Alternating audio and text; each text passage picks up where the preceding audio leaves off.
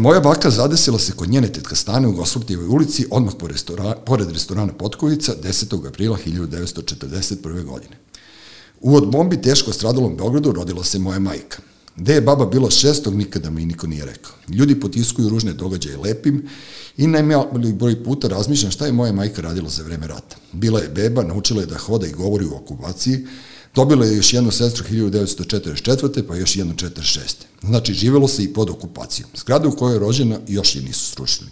Ulica još uvek postoji, prolazi kroz nju Brus broj 26 koji povezuje Dorčil sa naseljem braći Jerković. Na pola puta prolazi kroz Dušanovac, naselje koje je nastalo 1920. godine i prvo je potpuno urbanizovano predgrađe koje je činilo kontinuiranu ur, urbanu oblast sa ostatkom grada. Maskum Podcast predstavlja Treći svet, vaš domaćin, Dule Nedeljković. Eh, sad ja ne bih mnogo pravio važan i, i pametan da ja sad nešto znam previše o istoriji Beograda. E, danas je, je, nam je u gostima Branimir Bane Gajić. E, ti si po meni istraživač istorije Beograda.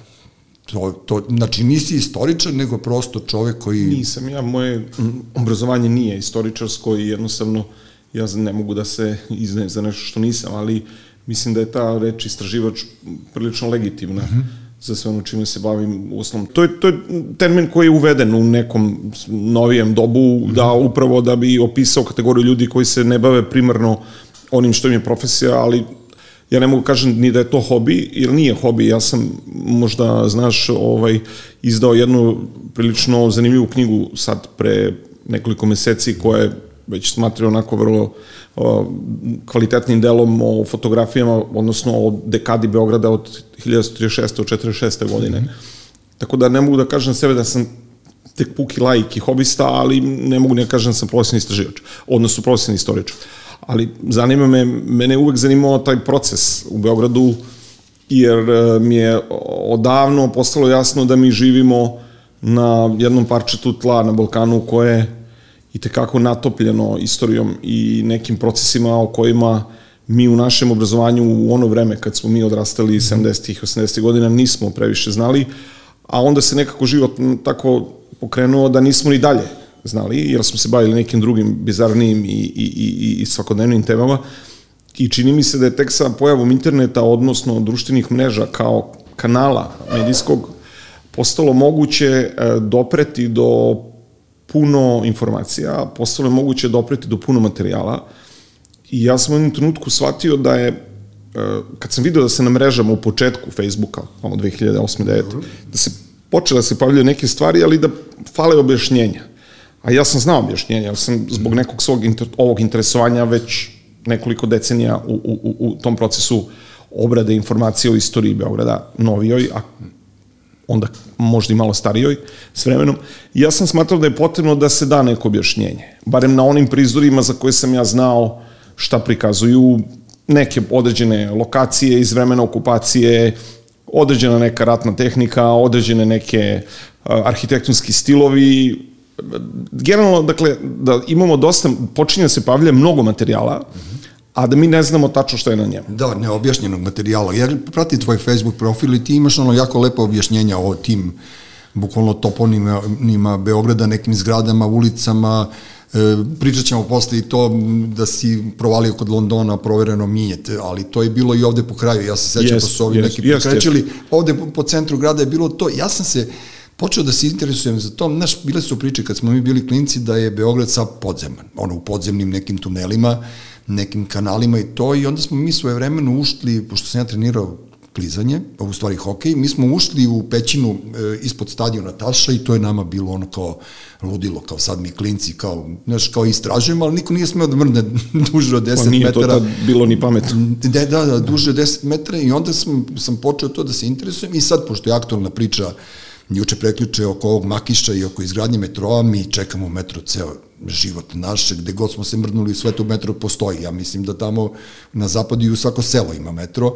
Sad, pre nego što smo se uključili, ovaj, ti si rekao da ti nisi protivnik metroa. Niko ne, normalan ja sam, nije. Ja sam vrlo za i smatram da. da je ogromna sreća za Beograd što smo došli u poziciju da su počeli radovi u metro. Mm -hmm. Dakle, to je I to je jedna od onih priča koje opet nemaju adekvatno objašnjenje. U stvari, da se nadovežem na ono što si rekao, mene su u stvari samo zanimalo objašnjenja. I dan danas me zanimlja objašnjenja, odnosno zanima ono što bi neko nazvao šira slika. Ja, sad jedna mala digresija, davnih 90. godina imao sam prilike da ovo je jedan kratak razgovor s jednim poznatim filozofom beogradskim koji kasnije postoji premijer vlade, a na kraju je tragično stradao. Mm -hmm. I razgovarali smo o nekoj situaciji i on nam je rekao jednu vrlo zanimljivu rečenicu, a moraš da gledaš širu sliku. I ja nisam to trenutku razmišljao šta bi to moglo da znači, mi kasnije vremenom poslalo potpuno jasno. Rekao, nemoj da se fokusiraš samo na taj problem, gledaj širu sliku. Šta, su, šta je kontekst, šta su da. objašnjenja, pa šta su i posledice. E, tako je priča sa, sa, sa uh, metrom. Dakle, Beograd je grad koji je na jednom vrlo nezgodnom uh, geološkom terenu.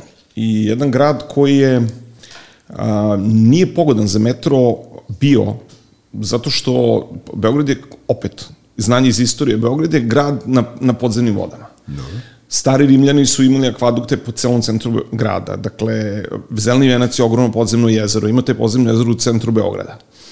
I 70. odnosno krajem 60. početku 70. kad je trebalo da se prvi put ozbiljno radi metro i kad se prvi put najavilo i razmišljalo, a, rađeno su probna geološka istraživanja. To su oni čuveni tuneli, ima ih dva, odnosno dva i po dole u Karadžoživoj ulici i tad je se tadašnji neimari su se susreli sa nepremostivim problemima. To su ogromne količine podzemnih voda. I to je bio formalni razlog za odustajanje. Suštinski razlog za odustajanje u samoj prirodi jugoslovenskog društva koje je tada postojalo, a to je činjenica da je vojska jela 70% budžeta.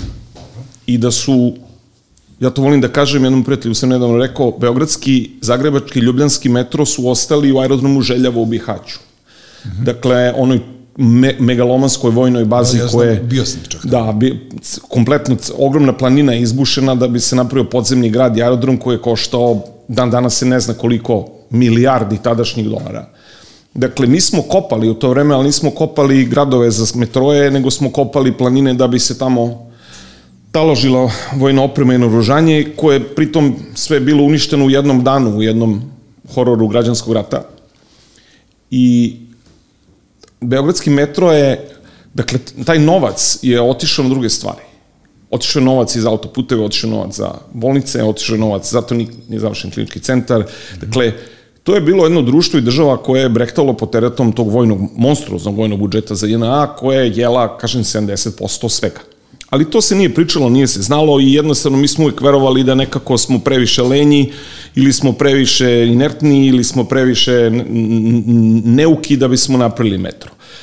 Nismo, dakle jednostavno nismo imali novca, nismo imali mogućnosti i nismo imali znanje. I ja mislim da je sad super što konačno smo došli u poziciju da je budžet drugačije koncipiran, da novca ima i da neko ima želju da napravi taj metro Razumljivo mi je što se neki ljudi bune, uvek u Srbiji su se uvek bunili oko svega, dakle istorija Srbije je istorija jedne, podaj, parem novija istorija Srbije, uvek istorija oni koji su zajedni, koji su za protiv, ali mi se čini da ovog puta zaista smo nekako na korak da dođemo do te užasno važne stvari koje će ovaj grad spasiti od onoga što se zove zagušenje. Ali mene ne interesuje samo urbana istorija, odnosno istorija Beograda, mene zanimaju i aspekti kako se ta istorija projektu na današnjicu. Dakle, zanima me, što bismo rekli, komunalne teme i problemi. Da, ekološke. I ekološki, i sve kroz tu priču o nekim procesima koji su se dešavali u istoriji. Dakle, a, mi, a, ja ne znam koliko znate, 1188. su prvi tuneli bušeni po Beogradu i to onaj čuveni beogradski voz, odnosno današnji BG voz, u 90. godine su rađeni tuneli, 95. ste u svom, u sredone nesreći imali otvaranje stanice da, kod Vukovog spomenika. Kada su padale babe u nesvest. Tako je, kad su ljudi mislili da je da. stigao metro, imali ste i onu čuvenu knjigu Mike Okluđića Metro, koja je bila pomalo distopijska, ali negde i utopijska. Mm -hmm. Mika je pisao metro Jeste, ja, u Beograda u nekom trenutku iz koga ne može da izađe iz tog u stvari simboličnog podzemlja. Tako da, super je što smo počeli, možemo da se svađamo, možemo da se bunimo, možemo da raspravljamo o tome, ali je važno da je put pokrenut.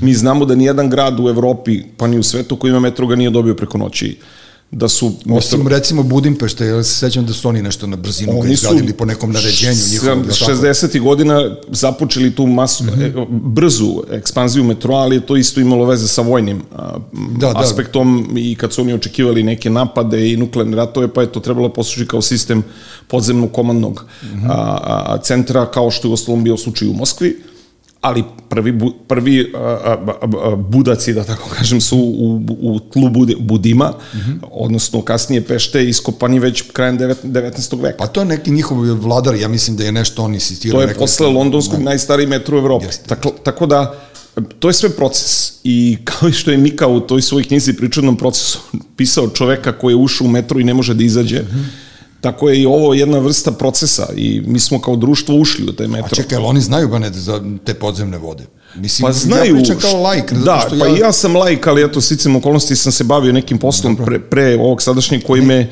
nagonio da znam. Ovaj... Ne, nego se napravio problem Makiš, Mirjevo, kao cijela ta ruta kuda će da ide, nisam ja to Sadašnja ne tehnologija je, uh, građevinska tehnologija je po, apsolutno naprednija od bilo čega čemu smo bili svedoci do pre svega deseta godina. Mm -hmm. Kao što je svet informatike doživeo su digitalnu eru, tako je i građevina doživela strahovitu ekspanziju, novi materijali, nove konstrukcije, nove tehnologije, tako da ja nemam apsolutno nikakvu bojazan da će te vode koje su pre 50 godina sprečavale formalno uh -huh. da se tada započne obimnije građenje metroa, a suštinski rekao sam šta mislim da je bio mnogo veći problem. O, ne mislim da je sad to, to bilo kakav problem. Dakle, pa vi znate da Beograđanka je napravljena u sred potoka. Znači, ja ne, temelji za Beograđanku su iskopani u sred uh, jednog strahovito jakog vodenog po, mhm. podzemnog toka, koji pritom nije ni mali, i uh, šipovi su i dan danas neprestano pod pumpama. Stvarno? Da. Tako da, ta tehnologija a, a, zaštite od podzemnih voda je, dakle, već 74. godine bila prisutna u Beogradu. Naravno, bila je ekstremno skupa i ekstremno zahtevna za održavanje i to je moglo sa, tada samo na jednoj zgradi da se primeni. To nije moglo da bude model koji je mogo da važi za nešto drugo, ali danas vi imate, ne znam, evo od Beograda na vodi gde ne znam koliko desetina, eh, odnosno hiljada kvadratnih metara temelja, pumpe bez problema održavaju suvim zato što te tehnologije to sada to puštaju mnogo bolje. Tako da, Beograd je zahtevan grad, dakle, zahtevan je za gradnju, ovo tlo nije eto i te pećine o kojima si govorio malo čas i one su deo te beogradske geologije. Ta švajdarska pećina je poslednji put u istoriji bila poznata kao onaj čuveni komandni centar da. za jugoistok, gde je jedno vreme i čak sam general Ler boravio u, u finalnoj fazi svog boravka To je istina, to nije, nije, da, da, da, nije pa, da. da ja znam za to, ali nisio sam da je mit. Ona vrata, sve ono što se vidi unutra, to su sve nemački radovi, dakle, to, to se prepoznaje. Mi smo išli tamo da napravimo klub, iskreno da budem, ja se sećam na šta, kakve smo prepreke nailazili, ali nikad nisam spoznao kolika je dubina toga. Pa, takav je bio, ja sam imao tu epizodu na Kalemegdanu, kad sam bio prva i druga godina srednje škole dole na Dorčelu, pa onda smo išli na Kalemegdan. Ja se sećam tadašnje Barutane kao jezivog mesta, gde Jeste. niko ni ulazio, gde su bili samo neki uh, kese od lepka i neki... Pro, samo narkomani i pacovi. Narkomani i pacovi po neki ovaj, beskućnik, mm -hmm. a danas je to super uređen prostor. Beograd, istorija Beograda je m, zanimljiva. Beograd se stalno menja I sve ono što mi danas možda uzimamo zao za gotovo, mi zaboravljamo da to pre 40-50 godina nije baš bilo tako. Mislim, Krenis Mihajlova je bila asfaltirana lošim asfaltom do 87. godine. Da. A danas smo svi naviknuti da je tamo pločnik. Zato što I da ne živim, idu kola. Da. I da ne idu kola. Da. A ja se sećam, sećam se ulice. Sećam se, ja se sećam. Tako da, um, čini mi se da nismo, ne, kad razmišljamo o Beogradu i o nekom savremenom dobu, nisam siguran da baš uvek razumemo da se taj grad menja. Zato što mnogo stvari deluje da isto, pa Plat Albanija je tu već 80 da. godina, Terazije su tu već 100 i onda mi nekako živimo s tim da je to u stvari isti grad. A čini mi se da je Beograd užasno dinamičan i da se taj taj njegov razvoj nekako za njih 50 godina strahovito ubrzao. Pa ja sam odavno govorio i, i napisao i u mojim knjigama i nekim tekstovima ponovio da je Beograd živo organizam. Apsolutno. I apsolutno kao neka beba koja raste i koja dolazi, ne znam, u neke ono, mladalačke godine, srednje godine, dolazi u neke srebrne godine i, i, i treba ga popraviti. Znaš, kao što čovjek ide kod zubara, Beograd zahteva neku prepravku i neku popravku. Drugo, mi smo doživali toliko ono priliv stanovništva, seti se, ja se sećam samo kad je počeo da se gradi Novi Beograd, sećam se kad je počeo da se gradi zgrada politike, znači Ja se sećam se ne, toga. nedeljnih šetnji, letnja nedeljna popodneva ovde po centru grada u kojima nema nikog. Pa to ti je to. Na trotorima nema nikog, na, na, nema saobraćaja, dakle i to ne pričamo o 60-ima, ja sam rođen 69. nego pričamo o kraju 80-ih, dakle ne tako davnom dobu, možda pre 30 godina. Pa ne, sećam se, ja sam odrastao ovde u kraju Majke i Rosimem, to je to što ti kažeš, nedeljom je bila pustinja, samo Nikog ono, nije bilo. dvoje, troje u školskom i kao asfalt oko, oko nas. Šta sam teo ti kažem, e, to kad pričamo o izgradnji Beograda, e, e, meni sad malo pre si pomenuo ljudske odnose, da smo mi stalno polarizovali da postoji uvek dve struje. E, kada sam čitao neke tvoje tekstove, e, ja sam shvatio nešto što nisam bukvalno znao do juče, a to da je postojao civilni život, to, to jest da je postojao život za vreme prvog i drugog svetskog rata u Beogradu. Ajde da se lociramo tu, pošto smo mi iz ovog grada, ne mogu sad da pričam o Kraljevu i Kruševcu, pošto prosto ne živim tamo, da je postojao život za vreme okupacije. E sad, mene interesuje kako, kako je to funkcionisalo? Evo, ja sam malo pre u uvodu rekao da je moja majka rođena 10. aprila 41. u razrušenom kraju.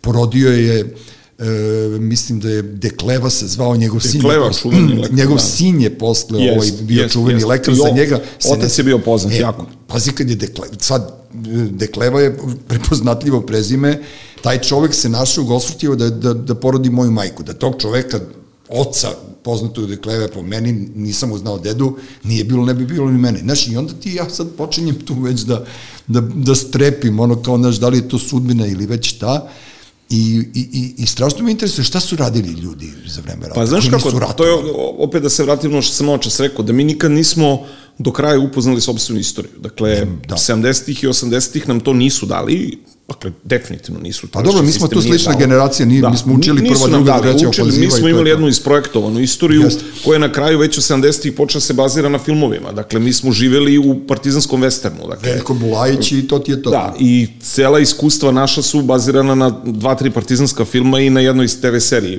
povratak otpisanih, odnosno otpisani, i nekako i dan danas, nažalost, te naše generacije percipiraju taj period kroz filmske slike koje da. imaju, čak ne ni kroz udžbenike, nego filmske slike. Kasnije generacije sad već ovi mlađi klinci koliko ih to uopšte interesuje i koliko im je blisko, ja ne znam, nisam, nisam uopšte siguran da, da oni imaju bilo kakav link i poveznicu ka tom vremenu, ali ajde pričamo o našoj generaciji koja je to dakle, do, doživala. Uh, Beo, život u Beogradu nikad nije stao.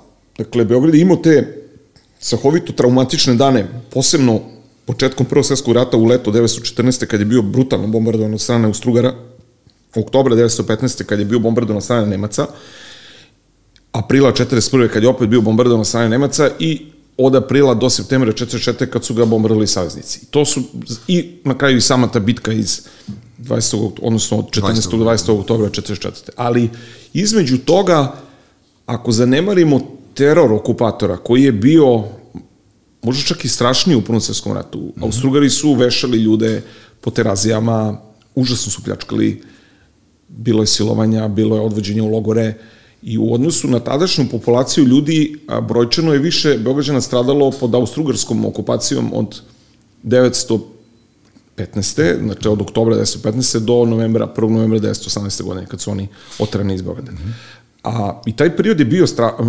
to je mnogo teži period okupacije i to malo svedočenja i zapi, zapisa koji su ostali svedoče da je taj period bio težak. Mi, američki crveni krst, što je Amerika u prvi svjetski rat ušla tek 1918. godine, dakle, do, do ulaska Sjedinjih američkih država u rat, glavno hranilište Beograđana je bio američki crveni krst u Karadžoživoj ulici, se nalazio tamo gde je danas zgrada Lučke kapetanije, pa pored onom praznom prostoru gde je bio onaj čuveni spomenik Veliki Blek lučkom radniku, lučkom radniku, tu su bile zgrade i jednoj od tih zgrade je bio američki crveni krst i oni su recimo masovno hranili Beograđane. Bila je glad, i strašna glad, a mnogo ljudi je tad raseljeno iz Beograda, Beograđani su bežali u sela Dobro. i te su uspomene tamne. A ko je, ko je, kad su svi vojnici otišli navodno Ostali su stari ljudi, žene, Da. deca, ostali su i nisu svi muškarci bili u vojsci. Dakle, Srbija u tom trenutku imala nešto malo preko 3 miliona stanovnika, a, voj, a s vojskom je otišlo nešto malo preko 300.000. Da, ali šta su ti ljudi, nešto, to hoću da te pitam, e, znamo da su bili ono u koje bio Nedićevci, bla, bla, bla, Ne, za drugi to, svetski to, rat. To, za drugom svetskom ratu je čistija, mislim čistija, loš sam izraz upotrebio. Poznatija ne, ne, mi je Da. situacija, ali za prvi svetski rat ne znam. Sad kao ja sam muško i nisam otišao u vojsku, ja se šetam po Beogradu, je to... Pokušavali su da, pa ne, to kažem, bilo je dosta žrtava, Austrijanci su vešali i koga god su sumnjičili da je naklonjen uh, tom prosrpskom nacionalnom patriotskom elementu, taj mogao lako da strada i stradali su. Na Kalemegdanu su bila vešala tamo gde je sad šetalište, ono koje gleda dole na ušće, tu su bila vešala, redovno se tu vešalo. Dakle, i oni nisu stali da vešaju sve do kraja rata. Na prvi čovek koji je obešen bio jedan učitelj na, na, na terazijama ispred hotela Balkan, gde, tamo gde je sad Česma, tu su bila prva vešala, oni su već a, u decembru 1914. kad su ušli u Beograd, tu su prvog dana obesili jednog učitelja. Za primer Srbima da moraju da budu pokorni. I Austrugarsko, Austrugarsko okupacijno delovanje u Beogradu u Prvom svjetskom ratu je po meni najstrašniji period u 20. veku Beograda. Ako zanemarimo te, ta bombardovanja koja su trajala po par dana ili po par nedelja, znači sama okupacijna uprava Austrougarska je bila, u jednom trenutku je čak Beograd zaista bio centar grada ispraznjen, ispraznjen od stanovništva. Mm -hmm. Oni su doseljavali ljude iz svojih krajeva i pokušavali su da u Beogradu naprave svoju, svoju kastu. Da, da, da. svoju u, u, u, upravnu administraciju. Dakle, oni su iz Zemuna čak do, doseljavali Nemce, doseljavali su iz Austrougarske. Imamo one fotografije kad je mm, ta, tadašnji sugarski car Karl dolazi u Beograd 1918. godine da ga, da ga stanovništvo dočekuje, ali to stanovništvo nisu rođeni Beograđani, to su Da, da, to ti koji su oni doveli sa sobom.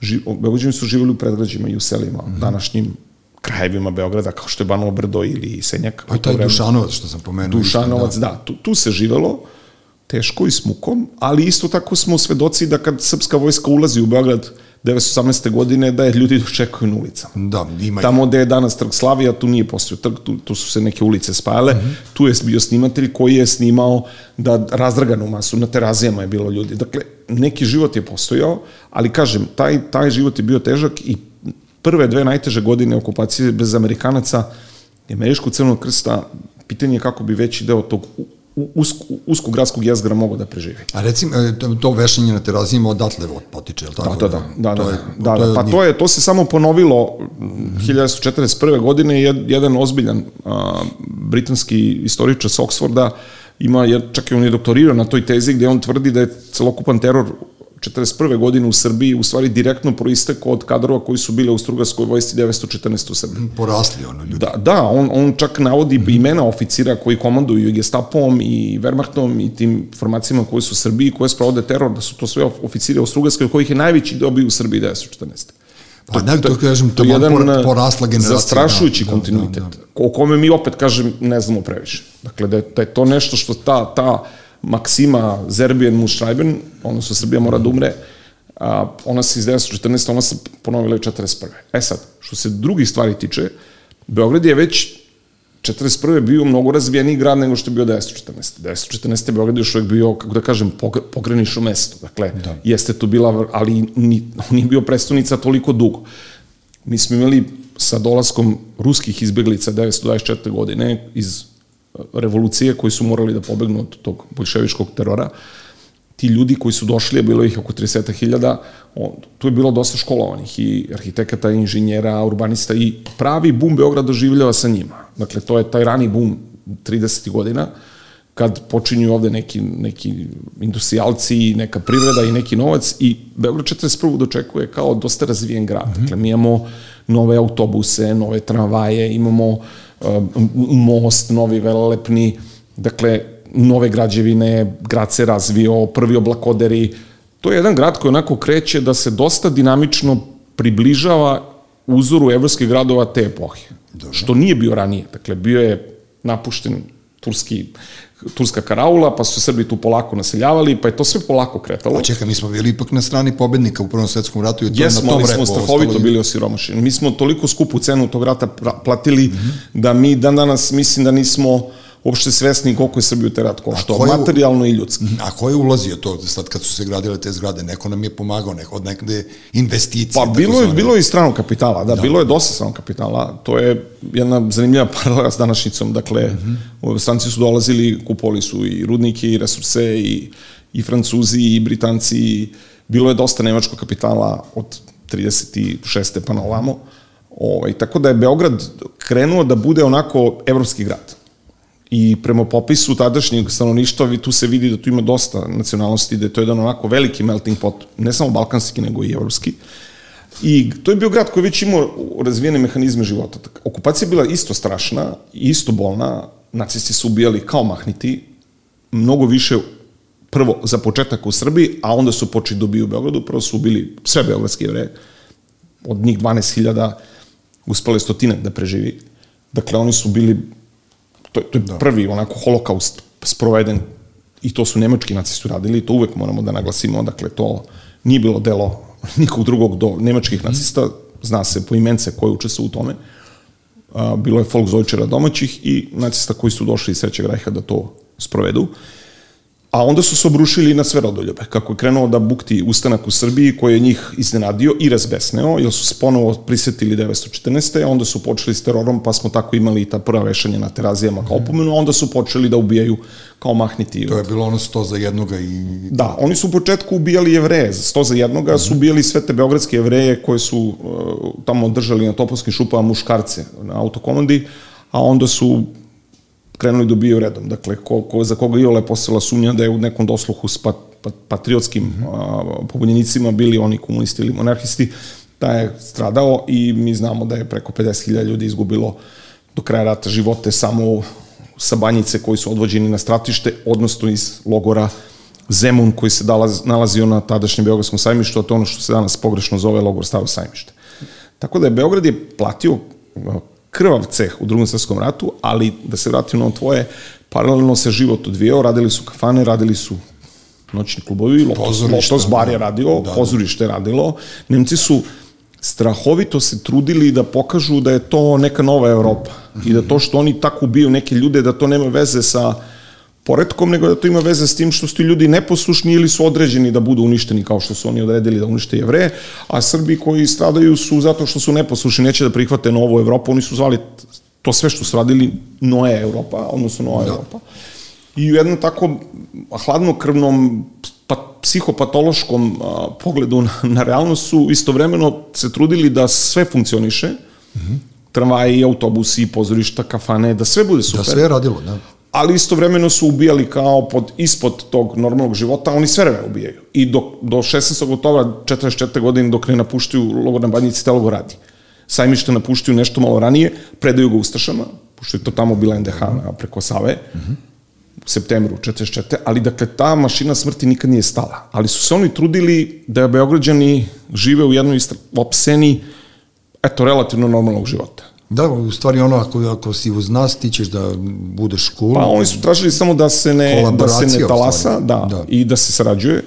E onda je počelo, kad su počeli sa prvo, prvo četiri sveće počela ogromna glad, jer su oni sve vreme eksploatisali Srbiju, kao što su radili u Prvom svetskom ratu, Dobre. od ruda, drveta, hrane, stočnog fonda, resur, oni su sve uzimali i nosili Da, oni nisu ošte vukli jeli, ekonomije sa sobom, nego su ovde koristili lokalne resurse. To je bila da, da, pljačka, apsolutna pljačka i to, taj nemački okupacijni aparat je bio dosta složen, to je bilo nekoliko ekipa, oni nisu bili monolitni, to je bila ekipe koje su bile naslonjene na najviše nacijske funkcionere u Nemačkoj. I onda su se oni među sobom preplitali i sukobljavali i otimali i tu je bio jedan potpuni haos među njima, koji je Srbima bilo teško da isprate, jer nisu razumeli šta se dešava, ali to nije smanjilo, naprotiv, to je povećalo razmene pljačke. Dakle, oni su gulili planine od drveta, oni su vadili rude, oni su žito uzimali od seljaka, da. stoku, mesnu industriju, sve što su mogli da uzmu, oni su uzimali. A čekaj, je li ovde prva kaznena ekspedicija, je li tako? Pa, mi smo u stvari... Pa bila je, stvari... prva, bila je prva i u Prvom svetskom ratu, bila je prva i, i u Drugom svetskom ratu organizovana. Znači, i oba puta su uglavnom sadali isti kraj. Mm -hmm. Tamo Pocerina, Mačva, mm -hmm. odnosno u drugom svetskom ratu ovamo Kragujevac i, i Kraljevo kao i Draginac. Mi, mi ne znamo puno o masakru u selu Draginac, da je više ljudi ubijeno nego u Kragujevcu ili Kraljevu, koji se odesio otprilike u isto vreme, zato što je nastao kao rezultat borbe sa četnicima, pa se o tome nije pričalo posle drugog svjetskog rata, ali u, u Dragincu je ubijeno preko 3000 ljudi u selu Draginac i okolini. To je Pocerina, to je Pocera. Da, da, dakle, da. to je ono što sam pričao malo čas. Da, to nije partizanska, ono... Da, ali se to krilo i onda se, to je jedna od onih strašnih epizoda o kojoj ništa nismo znali. Ali, da se vratim, no, čet se seća u Beogradu počela strašna glad. Beograđani su a, sami morali da gaje Ja sam našao jednu fantastičnu fotografiju, današnja Kalenićeva pijaca je u stvari bila pretvorena u obradivu površinu. I onda su činovnici koji su radili u državnom aparatu Nedićevom dobijali male parcele. Po jedan ar, po dva ara da gaje voće i povrće. Ono su povrće. Kupus, luk, šta je moglo da se gaji, da se jede. Onda su imali organizovane straže, kad su čuvali te parcele. Na Adi Ciganliji su dobijali parcele, koja je tad bila divlje ostrvo, ali imalo neku obradivu površinu. I na još nekoliko mesta u gradu, recimo današnja ulica gore, Maksima Gorko, gde su oni kako se ta ulica zove po novom, ja se govorim po Pa starom. dobro, reci, Maksima Na Vračaru, ja nije važno. Dakle, oni zelene površine današnje, tako, ne može- o, jedna od tih Da, da, da. Ja pričam ono gde sam video fotografije, Dobro, pa, tako dobro. da znam. Tu, se, kukuruz je bio gajen. Od već u 43. godine. Da, da. Dakle, Kalenića pijaca nije bila pijaca, bila je velika bašta. Evo sad sam otkrio šta mi je baba radila za vreme drugog Pa svetskog sigurno, rata. Verovatno, sigurno, pošto je ona sigurno, tu i na 100 sigurno. metara od Kalenića. Jer pa oni su svaki milimetar zemlje morali da daju ljudima šansu da ostanu, da se prehrane, jer Nemci ih nisu hranili, su pljačkali. Da. A, a vlada, tadašnja kvistička, nije imala nikakav način da hrani taj narod. I onda su delili te parcele i kao davali im plugove i male motičice da oni to kao obrađuju. Da. Tako da je Beograd je na taj način ušao u tu pretposlednju godinu okupacije, poslednja godina je bila strašna s tim bombardovanjima da bi se desila na kraju sama ta bitka, a onda dolazi ta revolucija koja menja stvari iz osnova. Da. Ne, sad, sad sam se malo zbunio, neš prvi i drugi svetski rat. Gledao sam tvoje gostovanje na studiju B, gde si pričao o 11. novembru, danu pomirenja, je tako, u Prvom svetskom ratu. I, Primirje. Primirje, izvinjam se. Ove, i, i, I prosto, kad si rekao da smo na strani pobednika, ja sam bio u fazonu koji, na kojoj smo mi strani pobednika bili kad smo bili ono uništeni otprilike. Pa da, mi smo bili, un- apsolutno, to je najadekvatniji izraz. I kako smo mi bili onda na Srbija je strani bila pobednika? populaciono, ekonomski, apsolutno uništena. I posledice toga su se osjećale sve do 41. godine. Da. A A onda je došlo 41., da. Na neki čudan način, mislim da se osjećaju do dana današnjeg, jer dosta tih kasnijih iskustava i kasnijih procesa su u stvari bili direktno uzrokovani tom apsolutnom katastrofom koja se zvala Prvi svjetski rat. Dakle, Srbija je od jedne zemlje koja je krenula da se izvlači iz maltene feudalnog a, seljaštva ka nekoj primarno blago industrijskoj zemlji krajem 19. veka svedoci smo da je u Kragujevcu bio napravljen veliki industrijski kompleks, da smo, počele su prijatne fabrike. Mi smo došli od toga da iz Prvog svjetskog rata izađemo kao zemlja koja nema apsolutno ništa. Dakle, razmere te pljačke, ja to stalno ponavljam, Austrugari su 1918. kvake sa vrata skidali mesingane i nosili za, za Austriju.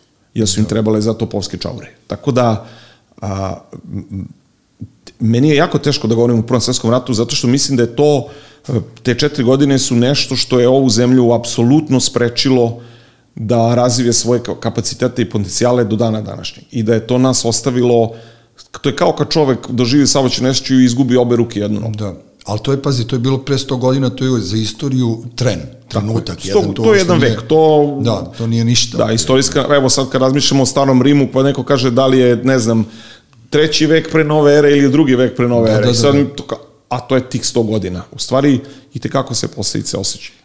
Ne, ali to, to, užasno smo unazađeni, ali e, nešto me interesuje još, e, mi smo kao narod užasno, ne znam, svadljivi, to, te podele među nama i sve to, e, kako smo se mi ponašali uopšte jedni prema drugima? Zašto smo bili tako zli? Zašto smo ubijali sve svoje vladare, zašto, zašto je bilo toliko nasilja, šta su hteli oni Pa uopšte? to je ono što ja stalno Zašto isto- smo mi ušli u priču Jugoslavije uopšte?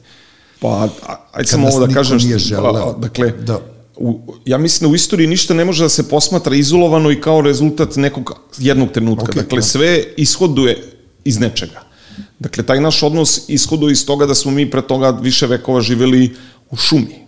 Dakle, mi smo bili narod koji živi u šumi. Da, mi smo preživjeli tako što smo živeli u šumi. Pa da, jeli smo divlje kruške, žir, lovili divlje svinje i sklanjali se od potera, od od uh, hordi pljačkaških, razno raznih hordija koje su tu sa, sa otomanima došle.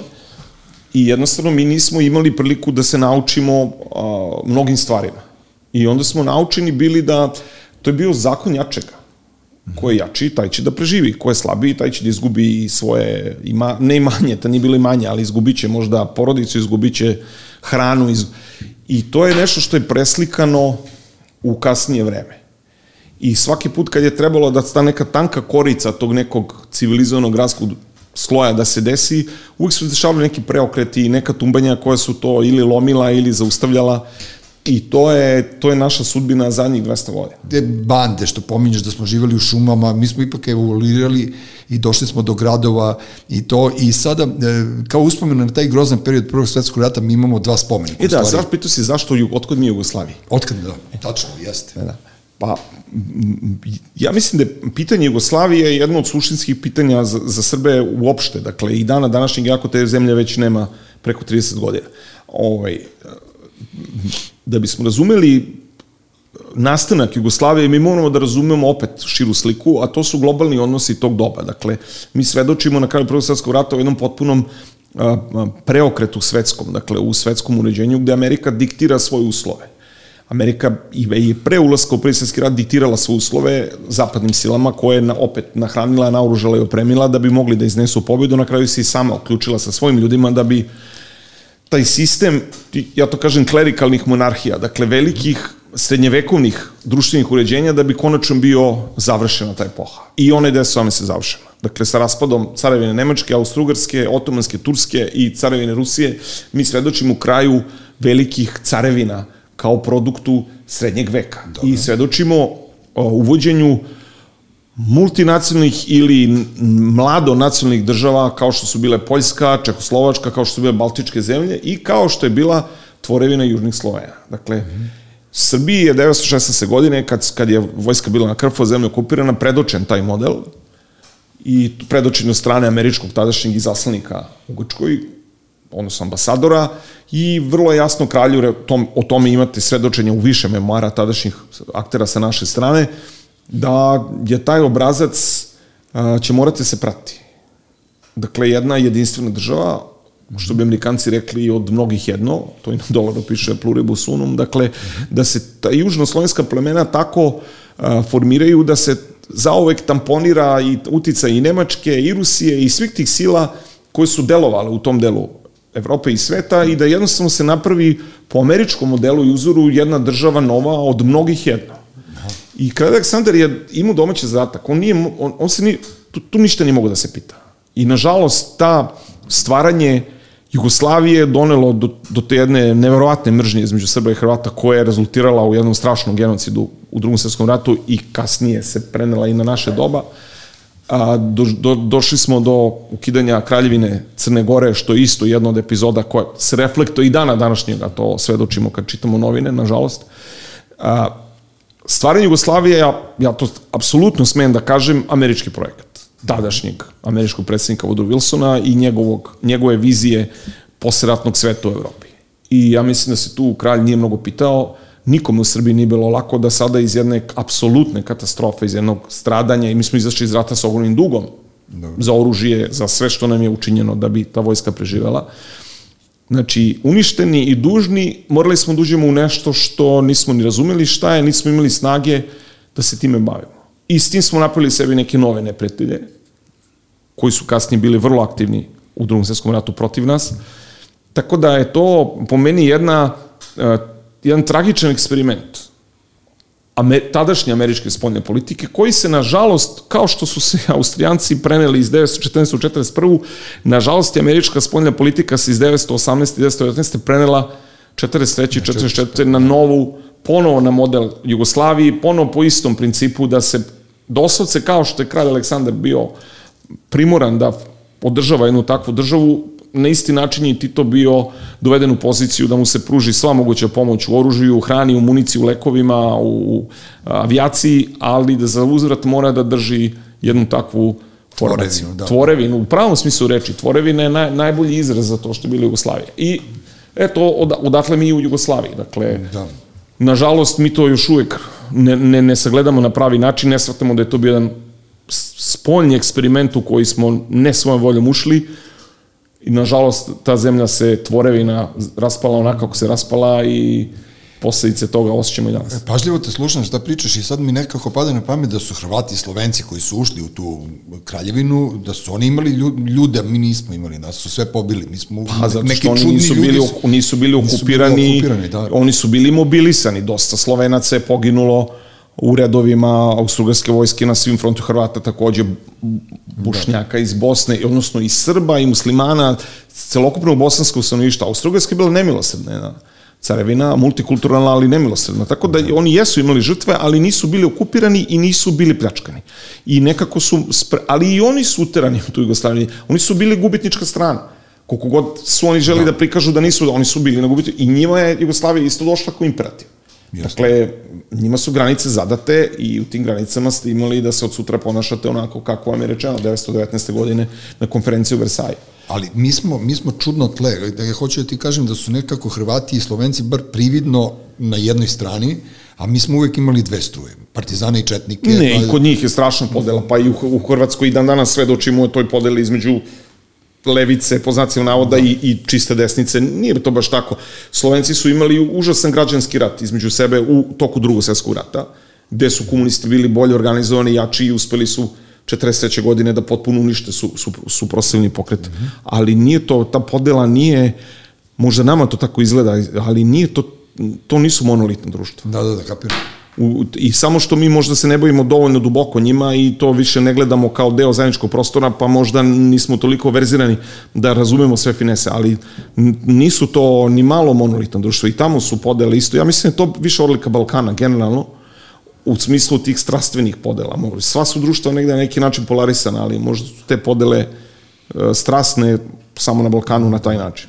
Ne, mene, meni se to sve nešto reflektuje na današnje vreme kada mi doživljavamo neki progres ili nešto, ali smo stalno nezadovoljni. Stalno postoji neki, neka grupa ljudi za koje se govori da su instruisani, ne znam, s polja, iznutra, odavde, odande, koji apsolutno sve, pa sve dobro, što je normalno negiraju. Pa dobro, to, sećamo se da je i Đinđić bio omražen 2001. godine, posle 5. oktobra nije pošao tri meseca, Jasne. njega su mrzeli ti isti koji su danas puni uh, usta o ne, o ne znam kakvim uspomenama na njega. Dakle, da to je apsolutna sudbina većine vladara Svakako. ovde, ovde i kne, knez Mihajlo koji je bio enormno progresan za svoje vreme, doživio da bude toliko kratko na vlasti da bude ubijen, dakle, u, u zaveri koja je definitivno bila produkt ovog tla. Mm -hmm. Dakle, jednostavno to je, to je tako. Nije to ništa ni, ni neobično, ni, ni, nego možda mi to predramatično uh, doživljavamo i možda su te insistiranje na toj polarizaciji je možda prejako, pa onda imam utisak da je ona sama prejaka, može i nije, ja mislim da većina ljudi živi u nekom u limbu. Pa, manje više da. neko u svojim brigama što. Pa, da, pa ne, ono kao otprilike svako gleda e, ne sebe, nego ja sam odavno rekao ja ne, ja ne mogu više da budem ništa drugo sem telohranitelja svoje sopstvenoj porodici, moje žene i deci pa to, je, to, je, to je za sada dosta od mene. E sad, iz nekih, hajde, uslovno rečeno, teških stvari, pošto ja, kažem ti, stvarno, ono, fasciniran sam ovim što si ti sad ispričao i nadam se da će ljudi konačno da, poput mene, da saznaju te neke razmere, ja stalno razmišljam šta je, šta je bilo u toj Srbiji, znaš, ja imam neku priču isto šumadijsku, jako teško sa Ćaletove strane, ali ovo, dobro, ovo nije ni mesto, ni vreme kad mogu da pričam s majkine strane, svi kad krenemo to da, da, da gledamo po korenima,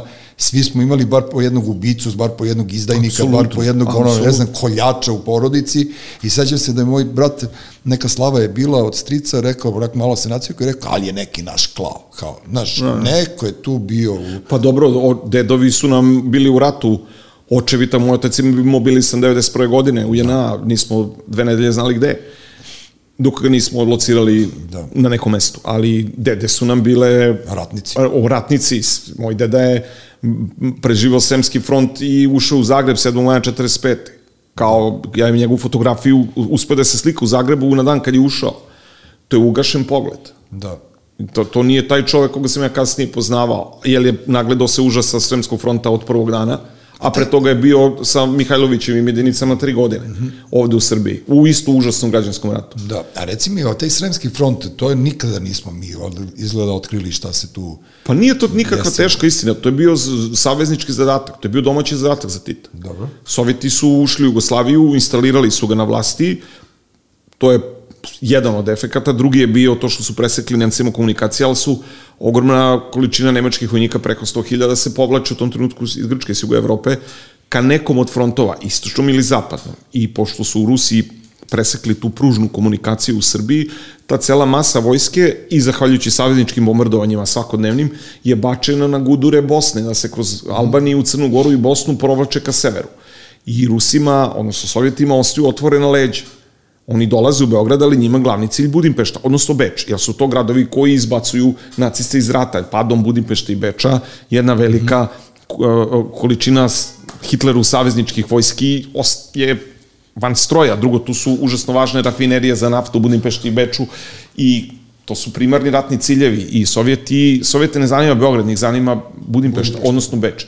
Ali kad prolaze kroz Jugoslaviju i preko Dunava odlaze u, u Mađarsku, njima ostaje otvorena leđa. I niko nije smeo da dopusti da stoji više od stoji nešto hiljada boreke variraju, čak su možda bliži, bliži tome da je bilo oko 200.000 nemačkih vojnika u povlačenju, da im se nađe iza leđa. I Tito dobija domaći zadatak od Bosne do Dunava da drži front. Zato je dobio oružje, zato je dobio hranu, zato je dobio lekove, a, a ljude je morao da nađe u Srbiji, jer Partizana nije bilo toliko da mogu sami da drže front.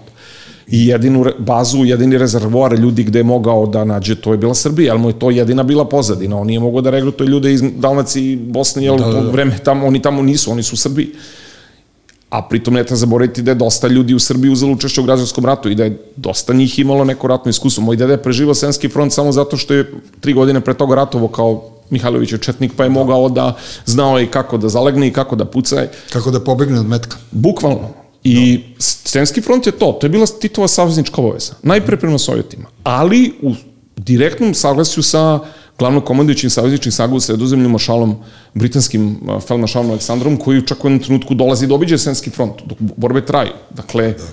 To je bila saveznička obaveza i prema Sovjetima i prema Britancima i ja mislim da tu nema nikakve velike mistifikacije. Ali es... poslali smo neke neobučene ljude, tako je. Pa on je poslao šta je mogo da pošle. Da, da, da, bukvalno to.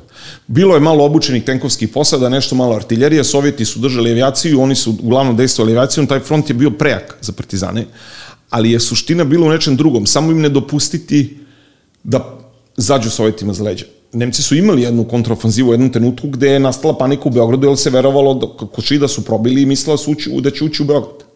Mm -hmm. Pa je ovde u Beogradu ti to bio evakuisan na tri dana iz Beograda jer su, pomisli su da je gotovo, da oni ne mogu da ih zaustave. Dakle, ta nemačka sila je bila užasno jaka i tek 12. aprila 45. je front probijen po znaciju navoda, u suštini Nemci su sad povukli i partizani su mogli da krenu napred. Da, da, da, napred. E, otišli smo, 300 stvari da. smo rekli, onako pa, lepih i finih. E sad, pošto ono, e, video sam na tvom Facebook, Facebook profilu sliku iz Cvetića, pre, Bog te pita, 40 da, godina. Pre godina. Pre, pre, pre, ali pre neki dan je Cvetić ili već ne znam ja taj datum je to Čirilo voli da se hvali time da je on bio nulti pacijent u Cvetiću, ono da je popio prvu kafu i da dan danas voli da e, dobija za džabe 40 e, godina Cvetića, je tako? I, i, Jest, i, i 81. je otvoren. 81. je otvoren. E, taj Cvetić je u stvari deo neke naše istorije. Nekog, nekog tog Beograda koji je naš, tih, te, mistifika, te 80. strašni mitovi se pričaju o njima, one su bile sasvim neke obične godine, ono, Čak par, i par, nepar, nema struje, mm. nema ovoga, nema onoga, tako da ono, ali su ljudi nekako bili relaksirani i prošlo je dosta vremena od uh, ratova. Pa bili smo naivni. Naši roditelji su se malo povratili kao u tim socijalističkim mm. ono, preduzećima, krediti, ovo, ono. A mi pa smo odrasli u mitovima i mi smo znali kako real, realnost u stvari može bude naopako. Da, i onda je nama cveti, bilo bitno da gde god odemo, da mi dođemo kao do, do tog cvetića, da se pokažemo, da nas vide. I sad ti si pisao u tom tvom, na Vajsu tekstovima, bila je galerija, bio je cvetić, koji su još bili? Pa bio je trozubac, bile papagaj prvi naravno. Da, dobro, papagaj. Tro, trozubac, bile freska. Freska preko puta da, papagaja. Ne, u stvari u Vuka Karadžića. Vuk Karadžić, da. Da, da, da. E, papagaj je bio... Ja sam bio, ja sam bio jedan od aktera ovaj onog sukoba u papagaju. Da, da, ja sam bio, opevan. Ja sam bio ja sam bio sa one druge strane, tako da nisam bio taj šminker koji se oblačio u Londonu, ali recimo za, za cvet za, hoću za cvetić da te pitam, tu je tu je stvarno ono pokazalo se da od najbogatijih do najsiromašnijih. Tu su svi visili i preko puta na stepeništu. Pa zato što je kafić bio nova stvar za Beograd. Da, dakle, to je bilo društvo kafane. Da 60-70 godina su kafane i posle sičanice. Dakle, stolnjak, ple, plekana, pepeljara, turska kafa i to, to je to, ili pivo i vinjak i mala kisela, što ja kažem. Ja, Ali, da, ovaj, kafić je bio nešto novo, kafić je bio zapad. Mi smo se tad ložili na London, na Trst. Jeste. I kafić je bio to, kafić je bio Italija. A nije ih bilo, znači bilo ih je malo, bilo ih je... Papaga je bio elitistički, snobovski i bio je naružen tom pesmom, tako da puno ljudi nije htao tamo da ide. Ovi drugi su svi bili nekako mali, odnosno nije ih ni bilo. Dakle, Cvetić je drugi kafić u gradu. Papaga je otvoren 79. Mm -hmm. Cvetić 81. Beograd nije znao šta su kafeji. Dakle, mali prostor gde se stoji, gde se pije ta famozna espresso kafa, gde se svi nešto tu tiskaju, da je to jedan potpuno veliki šank. Mi nismo imali nikad pre toga da se pije piće na šanku. To u kafani se nije pilo na šanku, nego na šanku se samo posluži. Piće kelneru koji donese do stola. I u kafanama se sedelo satima, a u kafiću je moglo da se stoji ne duže od pola sata, zato što ko će da stoji tri sata. Dakle, Da, da, da. potpuno drugi, ali je to bila subverzija. I zašto ti kafići 80-ih bili važni? To je bila subverzija tog socijalizma na izdisaj, odnosno te mantre, Tito je umro, ta zemlja je počela da se raspada na jedan ružan način, već se tad videlo. I kafić je bio jedna vrsta građanskog a, reagovanja na, kao što je Azra bila u svojim pesmama, počela je da Štulić je razgolitio svojim stihovima tu hipokriziju jednog društva koje više nema ni ideologiju, nema samo golu vlast i ništa drugo. Kafić je bio ta vrsta nekog odgovora urbanog života na to šta misle o tašem sistemu. Dakle, ne samo da smo želeli da budemo trst, da smo želeli da, ne znam, imamo dobre parfeme, da svi neko što budemo kao obučeni po nekoj modi, nego smo, ja to kažem, cvet, dan danas Cvetić ima originalnu firmu i sad ko to malo ko pogleda, ali na, na pročelju fasade piše glagoljicom. Aha. Što je za ono vreme bila diverzija, to je isto vreme idola, odbrana i posljednji dani, dani, isto je glagoljica je taj kao crkveni, mistični, pravoslavni, pronacionalni moment, u stvari to je jedan bunt protiv sistema. Da li je on crkveni, odnosno pseudo-crkveni ili je trst, ali to je samo bilo jedno inačenje sistemu koje je govorilo mi nismo isto što i vi. Da, da, da. mi, tako- mi hoćemo da budemo nešto drugo. Šta je to? Pa eto, to je to. Ono, hoćemo da budemo kao što je, su uh, Divljani i Šaper napravili diverziju za ono vreme sa odbranom, odbranom. Odbranom, da. To je prava diverzija bila. Oni su pojanje, crkveno, crkvena sve slova, živo, da, da, da. Sveti Sava. Dakle, to je bila jedna vrsta otpora i Cvetić je na isti način bio otpor. Ali puno ljudi to nije shvatalo u to vreme. To je bilo onako više nekako potmulo, podsvesno. A dobro je da sad shvatamo, dobro je sad pomenuti to, jer, jer ja, ja recimo sam kapirao da je to neka vrsta ono bunta protiv svega, kao naš, kao, obu, kao što smo mi, ne znam, nosili bedževe ili bušili Pa uši. isto, ili, pa SKC, E, to, SKC, to je vrsta je SKC, a minijaturni SKC. Cvetić je bio minijaturni Znam, ali SKC. svi smo bili ortaci, kako ti kažem, kako god da si bio obučen, da li si bio punker, Pa bili smo na istoj ono, strani. Svi smo bili na istoj strani. Zato to je što to. nismo pristali, jer ljudi zaboravljaju, to je vreme kongresa, referata, Jeste. koji čitaju drugovi po šest sati s onim rožnatim kockastim naočarama u svim modelima, koji dolaze Mercedesima, ali sve vreme je užasna hipokrizija. Oni svi žive na dedinju. Jeste. U vilama, svi letuju u posebnim svojim odmaralištima u Dubrovniku. Dakle, to je sve hipokrizija. Jedna grozna, gde je to navodno neko samoupravljanje, pa se onda imaš kuću, vrati stan, Jao, stabilizacija. jeste, da, da, da, da. A bilo jasno da je to sistem koji je pojao samog sebe. Sa tom čudovišno ogromnom JNA, sa vojskom koja je jela sve, sa političkom elitom koja je bila izbezumljena, guske u magle koji nisu znali više šta, šta priča, jel 80. su vreme kad komunizam umire, svetski komunizam. I sa njim i lokalna verzija jugoslovenskog socijalizma sa ljudskim likom, kako su ga zvali. I ljudima je nekako bilo prirodno da budu protiv toga. Ko je u to vreme se ložio da bude u, u komunističkoj partiji, odnosno u Savezu socijalističkog radnog naroda ili kako su se već zvali? Niko. To je bila, kako da kažem, ono, za mlade ljude nepojemna stvar. Dobro, ali bilo ih je. Pa bilo ih je, ostali sistem je da. reagovao. Vi smo Da, u to vreme imali i Čolića koji pevao Titu i Đorđe Balaševića, računajte nas, Plavi orkestar, fa, fa, Da, da, da. fašit. Dakle, neko u tom sistemu nije baš bio potpuno glupo. Oni su pokušavali da se približe na neki način kroz, uglavnom ja to kažem, tu bosansku a, muzičku scenu od Bijelog dugmeta, Čolića, pa Plavog orkestra, orkestar, da, da. i koga već se još ko je tu pevao, pevao i bio u tom tonu. Pa oni su razmontirali sve živo sa novim ovim, kako se zove, New Primitives. Pa New Primitives je isto bio jedna vrsta ja do danas ne mogu da odredim koliko je to bilo subverzivno, koliko je u stvari bio deo sistemskog odgovora na neke stvari.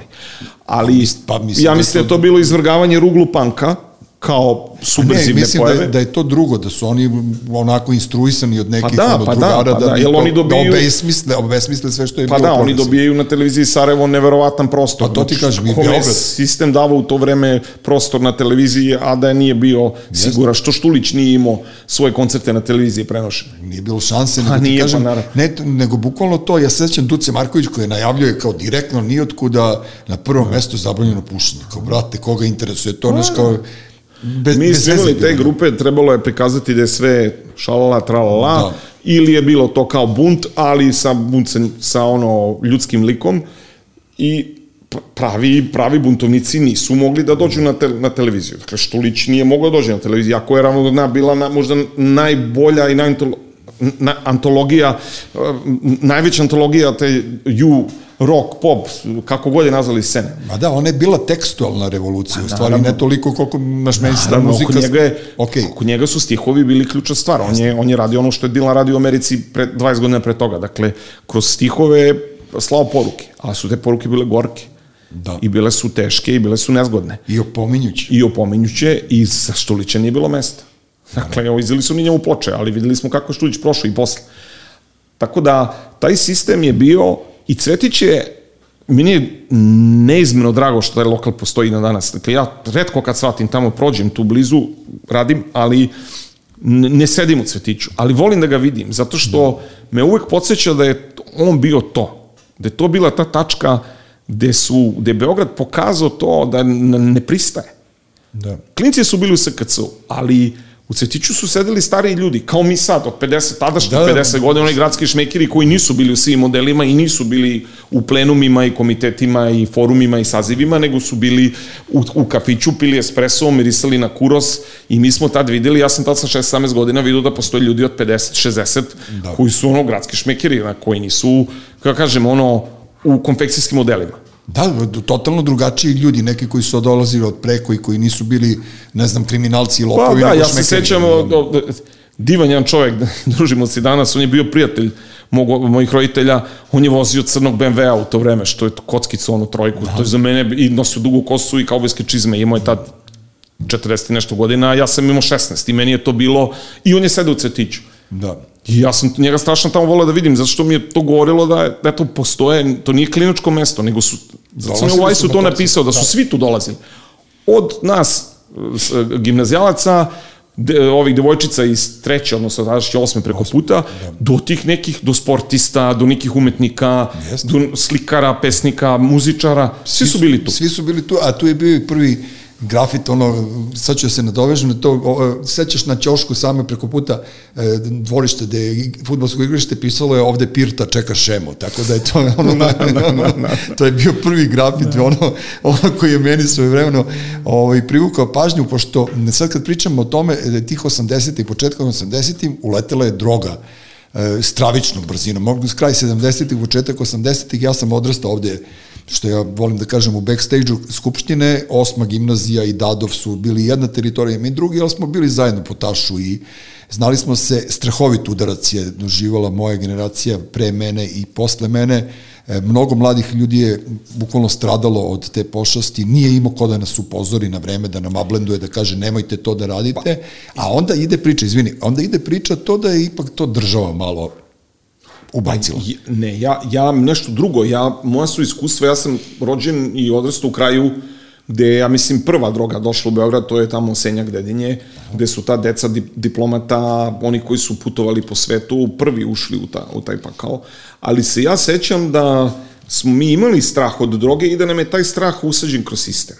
Dakle, nama su pričali nastavnici i neki stariji da je šta je, kako je zlo, heroin, da se umire od, i, i, i viđali smo prvi narkomani, prve smrti, prve, prvi ljudi u krizi koji leže u parku, to jest ja sam to sve tamo vidio još dok sam bio u osnovnoj školi. I meni se taj strah od droge i od toga šta ona nosi sa sobom, čini mi se formirao još u osnovnoj školi.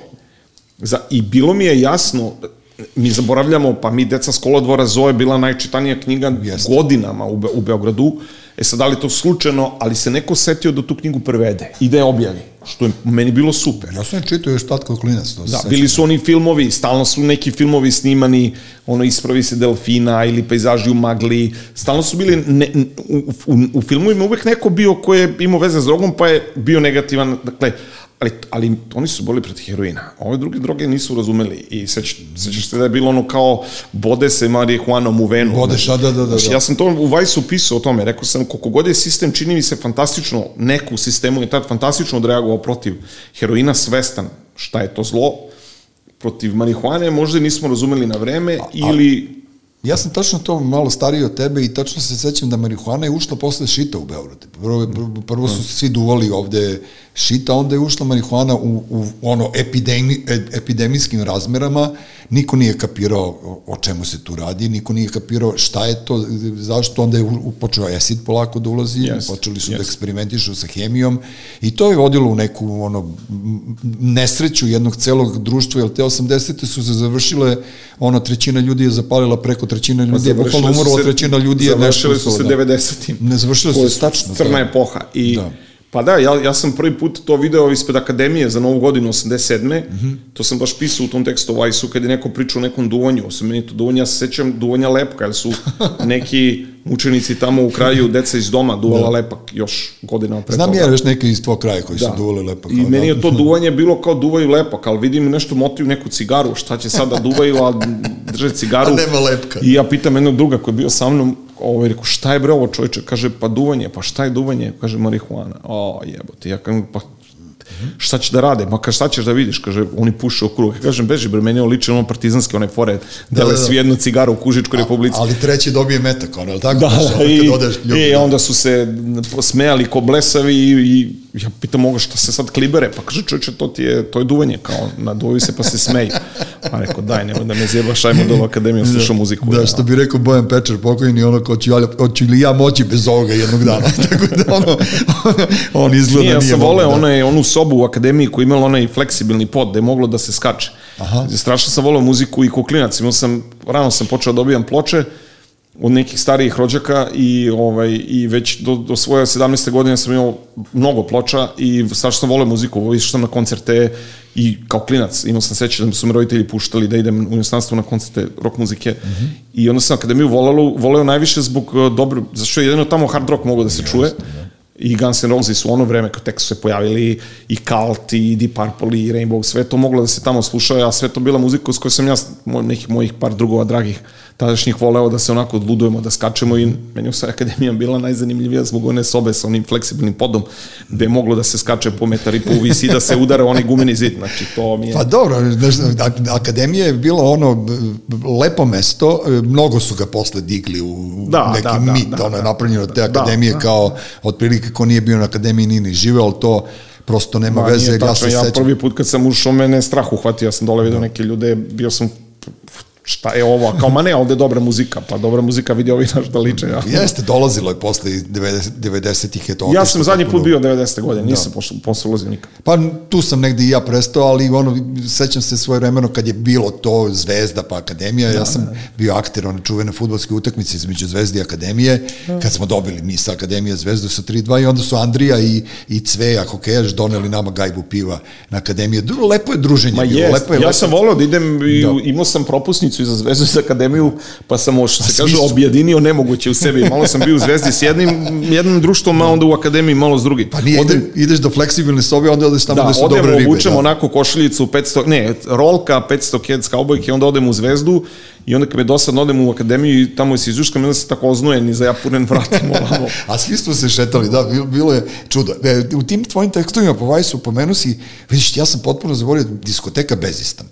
E, ja se sećam tu da su tu bili fliperi neki i ono stoni futboli, a ti se sećam, ti si napisao da, si, da je tebi bila želja da uđeš u taj Bezistan, međutim zbog i ludila koje je vladalo ta, i tada e, po Beogradu i zbog gadnih ljudi koji su, među kojima smo mi rastali, mada nismo znali otprilike te razmere, tvom drugu Romu nisu dozvoljavali da uđe, pa si ti Nisu, to... 80. su bile epoha nasilja, ja se dosta stvari sećam i svog odrastanja i nekih mm, smrti na ulici i nekih ubistava i Pa onog dečka, onog Dragana Ivanovića su ubili u Beogradskoj Da, ali to, je, to su 90. Da, ja pričam o 80. Da. Dakle, da, da, ja 80. pamtim kao, tad, tad je bilo isto skidanja patika na ulici, uh, otimanja para, skidanja lančića, znači, to je, kako da kažem, mi sad pričamo o 80. kao nekom zlatnom dobu, ja duboko sam uveren da je sada bezbednije na beogradskim ulicama nego što je bilo 80. Ja nisam ubeđen. I apsolutno ja stojim iza te tvrdnje. Ja nisam uveren, nego sam 100% da, siguran da je tako. Apsolutno, da, da. a uprko svim tim mitovima o svemoćnoj milici koja je držala se pod kontrolom je tačno, znači nasilje je mnogo bilo,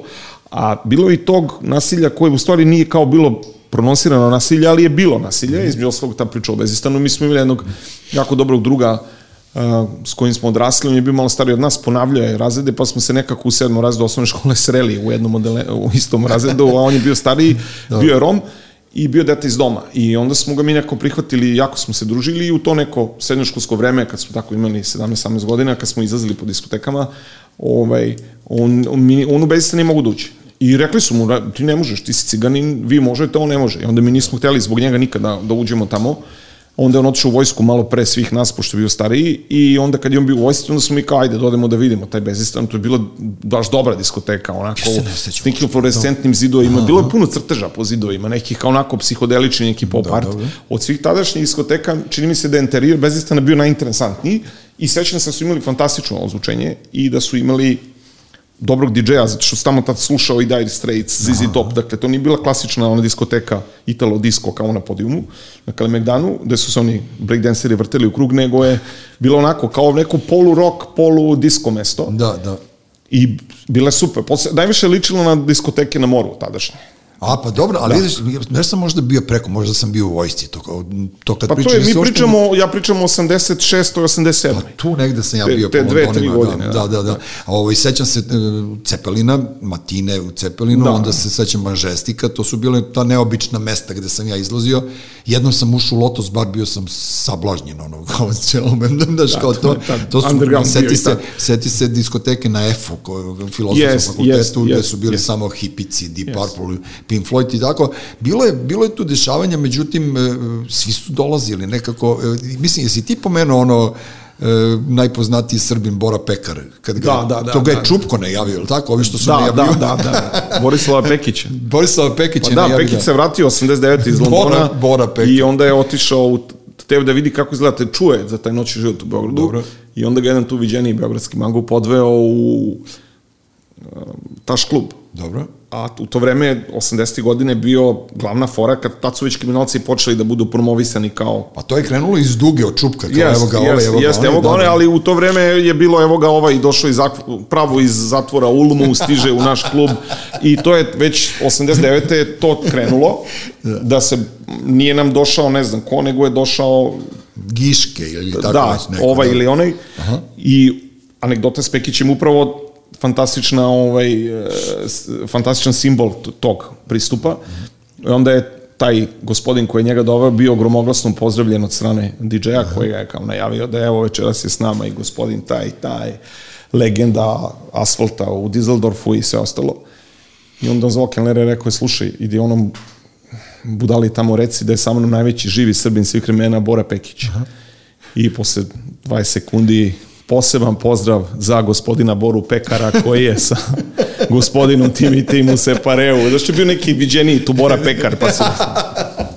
Ali dobro, nema, mislim, uvijek je, uvijek je to bilo e, tako. E, šta je nama doneo? Evo, ja moram da skačem s temu na temu, pošto ipak negde u nekom trenutku moramo da stanemo. Ja, ja bi pričao s tom tri sata. Hvala. Šta je nama doneo 5. oktober? Osim nove, ono, nove nove, no, pa, no, nove završio je 90. Da, završio 90. Završio 90. To je najveća vrednost tog dana. Da. Završeno su 90. Da. Šta god bila pozadina, koliko god to bilo verovalo se namešteno ili nije Milošević pušten iz voda od strane svojih saradnika ili nije, ali definitivno je to dan kad su 90. završene. Da. Promene su bile spore, mučne, teške i svi znamo kako je glavni akter i prošao i kako je stradao. Da ali svejedno od tog dana više ništa nije bilo isto.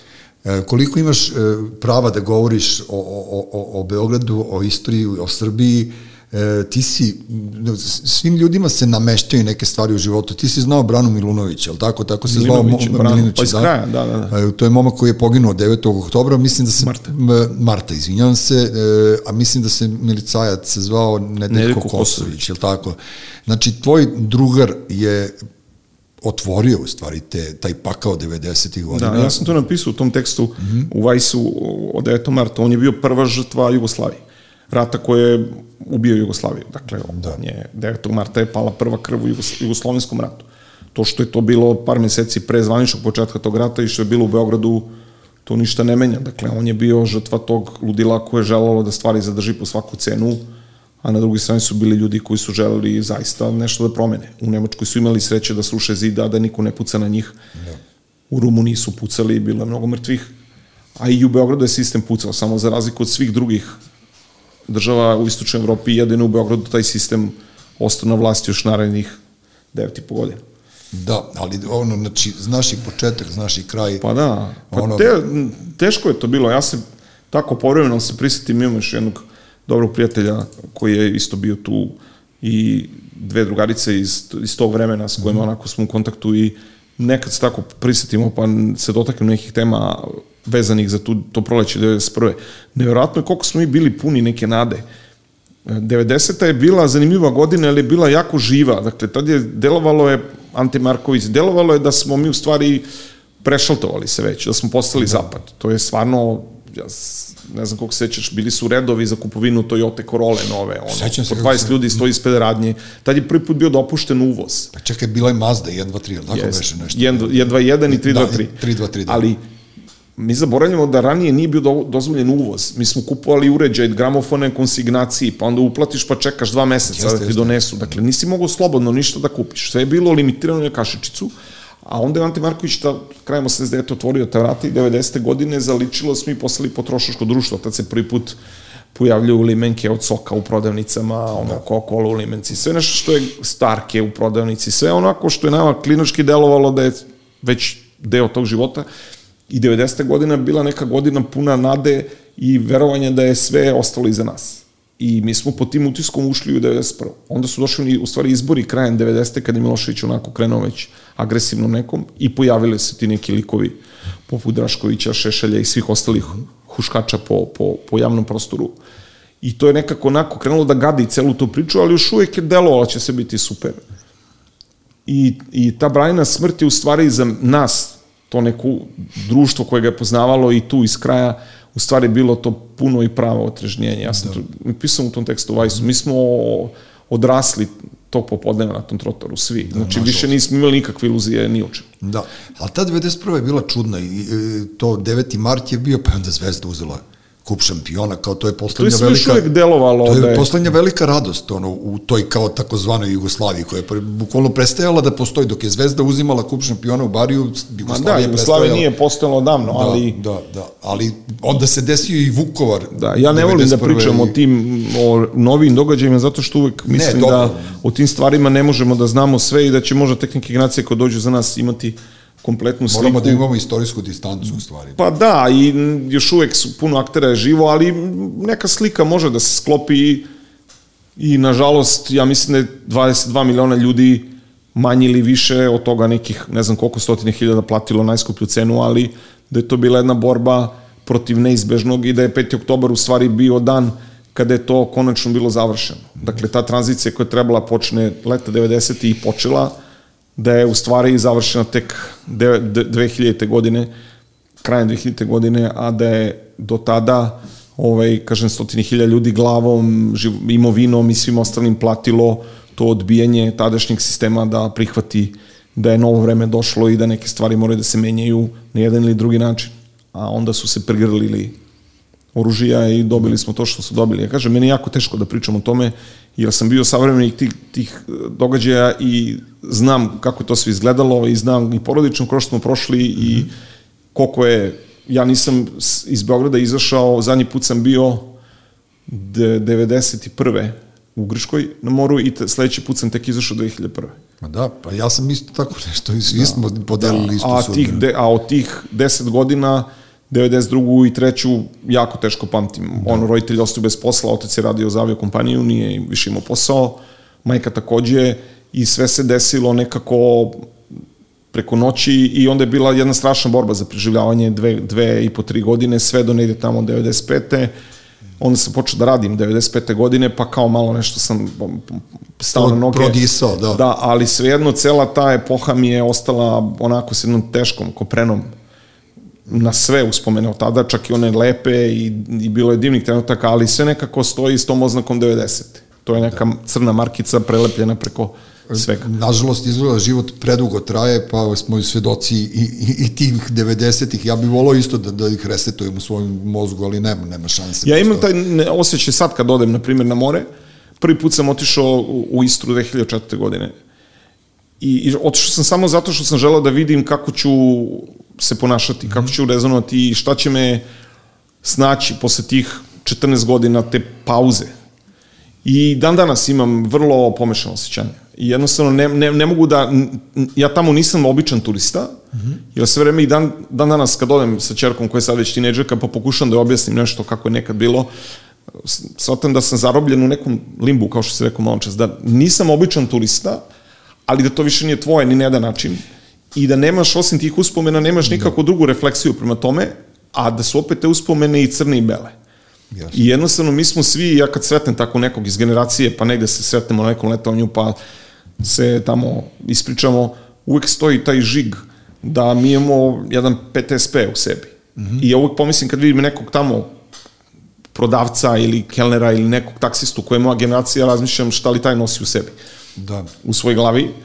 Ali definitivno je slom Jugoslavije našu generaciju i ove starije, pa i nešto malo mlađe, na jedan strašan način obeležio i to je nešto što ćemo mi do kraja našeg života živeti, a da nećemo ni do kraja uspeti na, da to savladamo, čini mi se, ni na jedan uh, um, adekvatan da. ono način. Ja imam samo fazno da svoju decu neću da opterećujem time, za sada, nek sami nauče kroz život šta im je činiti. To što si ti uradio sa tvojim čerkom, ja sam uradio isto s mojem. Pre dve godine smo bili u Rovinju kada je bila korona i kad smo mi prvi ono, prošli tamo, kad su se vratili Austrijanci i Italijani, sedelo je nas 5-6 u Batani iz Beograda i kao da je bilo nekad. Znaš, kao odjednom se nas petoro je sedelo i nema ljudi Mm. Neki 20. avgust je bio i nema nikoga sem nas, kao Saša Žikić, tu je bio Gavra, tu je bila Dušanka, tu su bili neki ljudi koji sam ja znao od pre 30 godina iz Beograda koji su tu dolazili, evo ja se sad naježio i prosto to je to, a tačno znam to što pričaš, ja imam taj osjećaj recimo kad vozim kroz Slavoniju.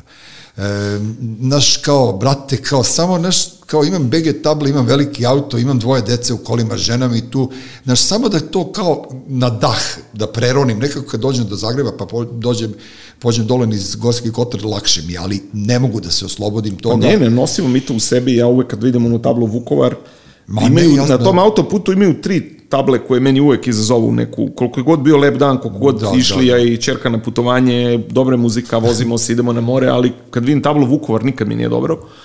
Kad vidim tablu Njemci, nikad mi nije dobro, dobro. zato što u Njemcima jedan moj vrlo blizak prijatelj teško bio ranjen 91. godine i kad vidim tablu Jasenovac i Jasno. nikad ne mogu da Da. Ne mogu te tri stvari nikad da, pre, uvek mi to pokvari. Treba mi vreme da se od toga, o, posle u vožnji uporovim. Da. I pre dve godine smo, čerka je tražila da je odvedemo da vidimo Jasenovac, zato što svaki put kad bismo prošli, ja sam je pričao da to je jedno najstrašnije mesto koje postoji na svetu. I onda je ona prošle godine rekla, kad smo se vraćali s mora, e sad moramo da svratimo, već je dovoljno velika tineđerka i Rekla je, sad hoću da stvarno vidim. Ja sam stalo govorio, mala si za to, nema potrebe, ali ćeš, jednog dana ćemo ići. Rekla, e sad idemo i onda smo otišli i posle smo čutali 45 minuta u kolima, da. ništa nismo pričali. Ej, men, moja čerka je tinejdžerka, ulazi mi i sin u tinejdž godine, morat ću ja da se ovaj, izgleda, pa, pošto nisam odustao od Istri još uvek, zato što prosto, eto, kao, ne, ne znam da li je to navika ili ne znam šta je, ali mene vuče nešto, kao da, kažeš kao kad te nešto vuče kao malog u, u podrum, kad te nešto vuče kao malog u šumu, pa, nešto meni tu to nije... To što sam malo čas pokušao da obesim, ja ne znam šta mene vuče tamo, ali mislim da ima neke veze i s tim od ranije i sa tim što je sad tamo negde za nas relativno okej okay i lepo je i ne pravimo niko tamo probleme i mislim da je to da, da to, to strašno pomešano, pomešano osjećanje.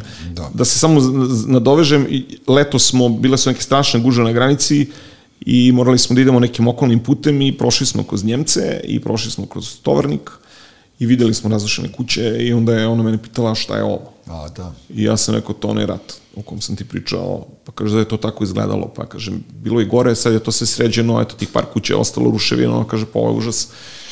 Je bilo tako strašno, ja kažem, bilo je gore nego što može da postojiš, ali ajde da sad ne kvarimo Dobro. sebe i putovanje, pa da. Ma, teške priče mi imamo našoj deci da prenesemo. Znaš, to je, To je ono poenta strašno u stvari, i, da. I ta usmena predanja, predanja što su imale, ja sam recimo u selu u Šumadiji kod Ljiga, gde je moj tata rođen, e, nije bilo muškarca starijeg od mog ćaleta, recimo, ili mog strica, i nije imao ko da pričate, nego su žene pričale. Moja baba je znala te priče, pa njena ortakinja, pa ovo, pa ono, i onda sam ja tu nešto pokušavao da sklopim, ali stalno su ono imali taj fazon kao ti i ja sad što smo pomenuli kad idemo kroz Slavoniju, taj neki kao oblak koji ti ne da da se prepustiš, da, ispričaš do kraja, jer te je bukvalno sramota od nekih postupaka. Pa ne znam jednostavno, nije, to je uverenje, ja mislim da je to uverenje da ta strašna iskustva ne mogu da se objasne. Ja. Od, pa otprilike I, to je. Da. I to je onaka želja da se deca poštede nečeg ružnog. Kao kad bismo im pričali neke strašne priče nekog drugog tipa, da jednostavno roditelji imaju taj mehanizam da može žele da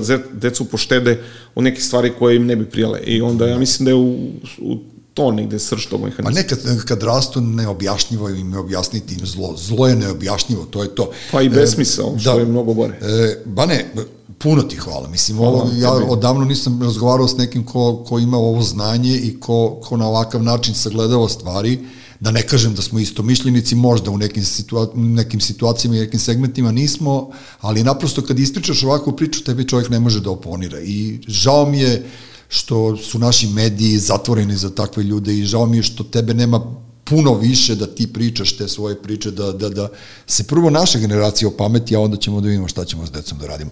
Hvala ti puno što si bio gost podcasta Treći svet, Uroš Bogdanović, Branislav Bane Gajić, istraživač istorije, bio je moj gost, čujemo se svake subote. Treći svet. Treći svet.